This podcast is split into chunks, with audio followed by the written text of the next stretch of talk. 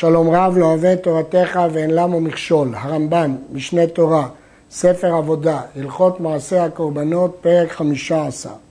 האומר ולדה של זו עולה והיא שלמים, דבריו קיימים. כיוון המשפט הראשון שהוא אמר, היא שהוולד עולה, זאת אומרת שאחר כך הוא יכול להגיד שהבהמה עצמה היא שלמים, אין בכך שום סתירה. היא שלמים וולדה עולה. אבל אם המשפט הראשון הייתה שהבהמה, היה שהבהמה שלמים, אם כן לכאורה גם הוולד צריך להיות שלמים. אבל הוא אומר הוולד עולה.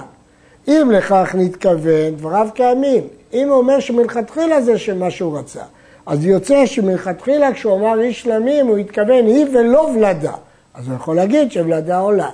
אז למה הוא אמר את זה כך? כי אי אפשר להגיד שני שמות כאחד. לכן הוא היה צריך להגיד איש שלמים, ולדה עולה. אבל אם אחר שגמר בליבו והוציא בשפתיו שתהיה שלמים, חזר בו ואמר ולדה עולה, במשפט הראשון הוא אמר שהיא שלמים וממילא גם ולדה שלמים. אחר כך הוא התחרט ואומר הוולד עולה. אף על פי שחזר בו בתוך כדי דיבור, הרי ולדה שלמים. שאין חזרה בהקדש ואפילו בתוך כדי דיבור. הכלל הוא שבכל התורה כולה, תוך כדי דיבור, כדיבור דמי. אבל יש כמה דברים שלגבם לא אומרים את הכלל הזה. הגמרא אומרת שזה מגדף ומקדש, מקלל את השם ומקדש. הרמב"ם סובר שאף בהקדש לא אומרים את הכלל. מדוע? מדוע הרמב"ם מוסיף את המקדיש? יש אומרים, מפני שאמירתו לגבוה כמסירתו לאדיוט. אז ברגע שהוא אמר, כבר זה תפס, איך הוא יכול לחזור תוך כדי דיבור? יש מי שאומר שהקדש חמור כמו מגדף וקידושין. יש מי שאומר שהקדש כלול בקידושין, שניהם זה מקדושה. ויש מי שאומר שהרמב"ם גרס שם מקדיש במקום מקדש. אבל זה לא ייתכן, למרות שיש גרסה כזאת, כיוון שהרמב"ם לומד גם מקדש. אז ברור שהרמב"ם למד שכתוב שם מקדש, אלא שהוא חשב שזה כולל גם מקדיש וגם מקדש. האומר ידה של זו עולה, או רגלה של הזו עולה, תימכר לחייבי עולות ודמי החולין, חוץ מדמי אותם איברים, כי רק את דמי היד או את דמי הרגל הוא הקדיש. והוא, שיהיה זה המחויב עולה שקנה אותה, נדר עולה בדמים קצובים. מה פירוש הדבר? הרי זה שקנה אותה והוא חייב עולה, איך יוכל להקריב אותה עולה? הרי דמי היד או דמי העבר הם שייכים לראשון, רק את דמי החוץ מדמי אותם איברים. איך הוא יביא בהם עולה? השאלה הזאת שואלת הגמרא. אמר מר תימכר לצורכי עולות ואכא מייטה בהמה שמחוסרת עבר, הרי כאילו עבר אחד נשאר אצל הראשון. אז התירוץ של רבה באומר הרי עליי עולה בחייה. רש"י מפרש שאני מתכוון להקריב את כל האיברים שהבהמה חיה ממנה, אז זה לא כולל את היד ואת הרגל. פירוש שני, שזה ייתכן, הוא פירושו של הרמב"ם, שהראשון התכוון לתת עולה בדמים קצובים, והמחיר של הדמים האלה כלול בעולה הזאת בלי היד או בלי הרגל. כמובן, לא מקריבים עולה בלי יד או בלי רגל, הכוונה בדמים של עולה בלי יד או בלי רגל. האומר ליבה או רשע של הזו עולה, הואיל והקדיש דבר שהנשמה תלויה בו, הרי כולה עולה. הדין הזה, שאם אדם הקדיש את הלב או את הראש, זה דין התפשטות. לומדים את זה מן הפסוק, ואם בהמה שיקריבו ממנה קורבן להשם. ומה כתוב? כל אשר ייתן ממנו להשם יהיה קודש. לומדים שהבהמה כולה קדושה. הרמב"ם ממשיך, הקדיש עבר אחד מן העוף, הרי זה ספק אם נתקדש כולו או לא. מקום הספק בגמרא בתמורה, כיוון שבפסוק הוזכרה בהמה, אז אפשר להגיד שזה דין דווקא בבהמות. מצד שני הוזכרה המילה קורבן, ולכן ייתכן שדין זה שייך בכל הקורבנות. האומר בהמה זו חציה עולה וחציה שלמים. קדשה, הוא הקדיש, ואינה קרבה, אי אפשר להקריב חצי עולה וחצי שלמים. תראה, עד שיפול במום ותימכר, ויביא בחצי דמי העולה ובחצי דמי השלמים. היה מחויב חטאת ואמר חציה חטאת וחציה עולה, או שלמים, או שאמר חציה עולה או שלמים וחציה חטאת, הרי זאת תמות כמו שהתבהר בחטאות המתות. בהלכות פסולי המוקדשים, פרק ד', יש לנו הלכה של חטאות שמתות, שאי אפשר להקריב אותן. אבל קשה, שהרי חטאת זאת לא נמנית שם בין החטאות המתות. אז זה שכתבו, שכיוון שהוא יהיה מוכרח להביא חטאת אחרת ולהתכפר בה, היא נחשבת לחטאת שכיפרו בעליה באחרת שהיא תמות כפי שמפורש שם. ויש מי שאומר שהוא אמר פה חצייה שלמים וחצייה תמורת חטאת, ויש כלל שתמורת חטאת היא מהחטאות המתות. ואפשר לומר בדרך שלישית, ערוך השולחן, כיוון שמצינו שחטאת שמתו בעליה תמות כי אי אפשר להקריב אותה, גם חטאת זו שאי אפשר להקריבה מפני חצייה השני, תמות. בהמת השותפים, שהקדיש אחד מהם חצייה שלו, ולקח וחזר ולקח חצי אחר והקדישו, הרי זו קידשה וקרבה.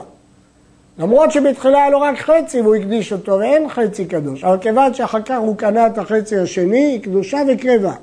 אף על פי שמתחילתה דחויה היה, כשהקדיש חצייה, הרי כשהקדיש חצייה היא לא הייתה ראויה, אין הדחוי מעיקרו דחוי, רק דבר שהיה קודם ראוי, ואחר כך נדחה, הוא נדחה. אבל דבר שאף פעם עוד לא נראה, ופתאום הוא נראה, הוא כשר. ומוסיף הרמב"ם, ואף על פי שהיא קדושת דמים, הואיל והיא בעלי חיים, אין בעלי חיים נדחים. והרי נראית כולה להקרבה, לפיכך תקרב ועושה תמורה. הרמב"ם מביא עוד נימוק, מפני שהיא בעל חיים ואין בעלי חיים נדחים. משמע מהרמב"ם שצריך שני נימוקים. משמע שסתם יש דיחוי מעיקרו, אבל קשה שהרמב"ם עצמו בהלכות קורבן פסח פוסק שדיחוי מעיקרו נחשב דיחוי גם בבעלי החיים, והמפרשים מחלקים. הלכה ה' האומר דמי בהמה זו עולה, או הרי זו לעולה.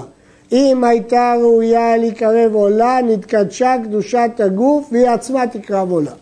אפילו שהוא אמר דמי בהמה, היא נתקדשה ותקרב עולה.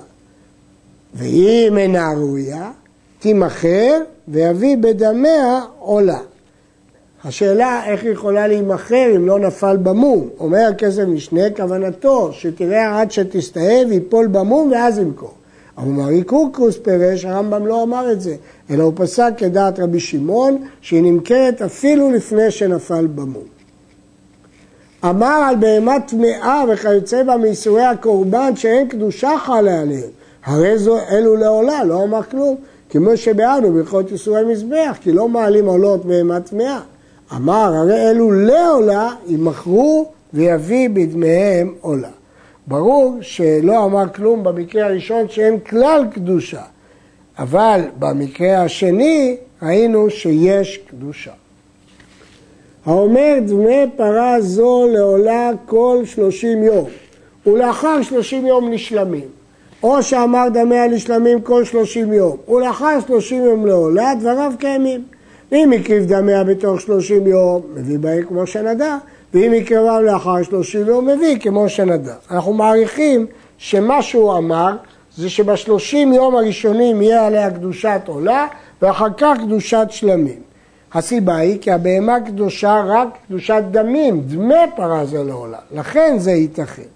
הרעב"ד משיג על הרמב"ם ואומר שגם קדושת דמים לא יכולה לפקוע לבד, אלא צריך לפדות את הבהמה לשם עולה, ואחר כך אפשר להקריבה לשלמים.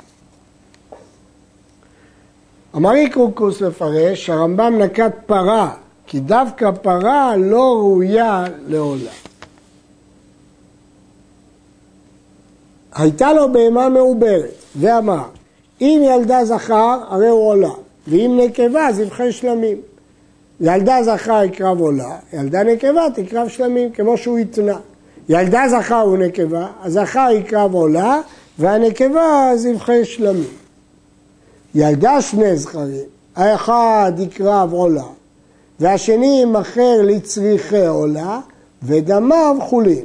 וכן אם ילדה שתי נקבות, אחת תקרב שלמים, ושנייה תימכר לצריכי שלמים, ודמיה חולין. מה שכתב הרמב"ם, הרי הם חולין, הכוונה זה לא קדושת הגוף, אלא קדושת דמים. ילדה טומטום ואנדרוגמינוס אינם קודשים והרי הם חולין כמו שבארנו. והמקדיש עובר במעי בעלת מום וכיוצא בה, הרי זה קדוש. למרות שהרמב"ם פסק בהלכות נזקי ממון שעובר ירך עמוי, כיוון שיש לעובר חיות בפני עצמו, אז לא אומרים שגם הוא בעל מום כמו אמו. אמו בעלת מום, אבל הוא לא בעל מום ולכן אפשר להקדיש אותו. כלומר, מבחינה הלכתית הוא בעל ירך אמו, אבל מבחינה מציאותית או עצמאי אין בו מום ולכן אפשר להקריב אותו. עד כאן.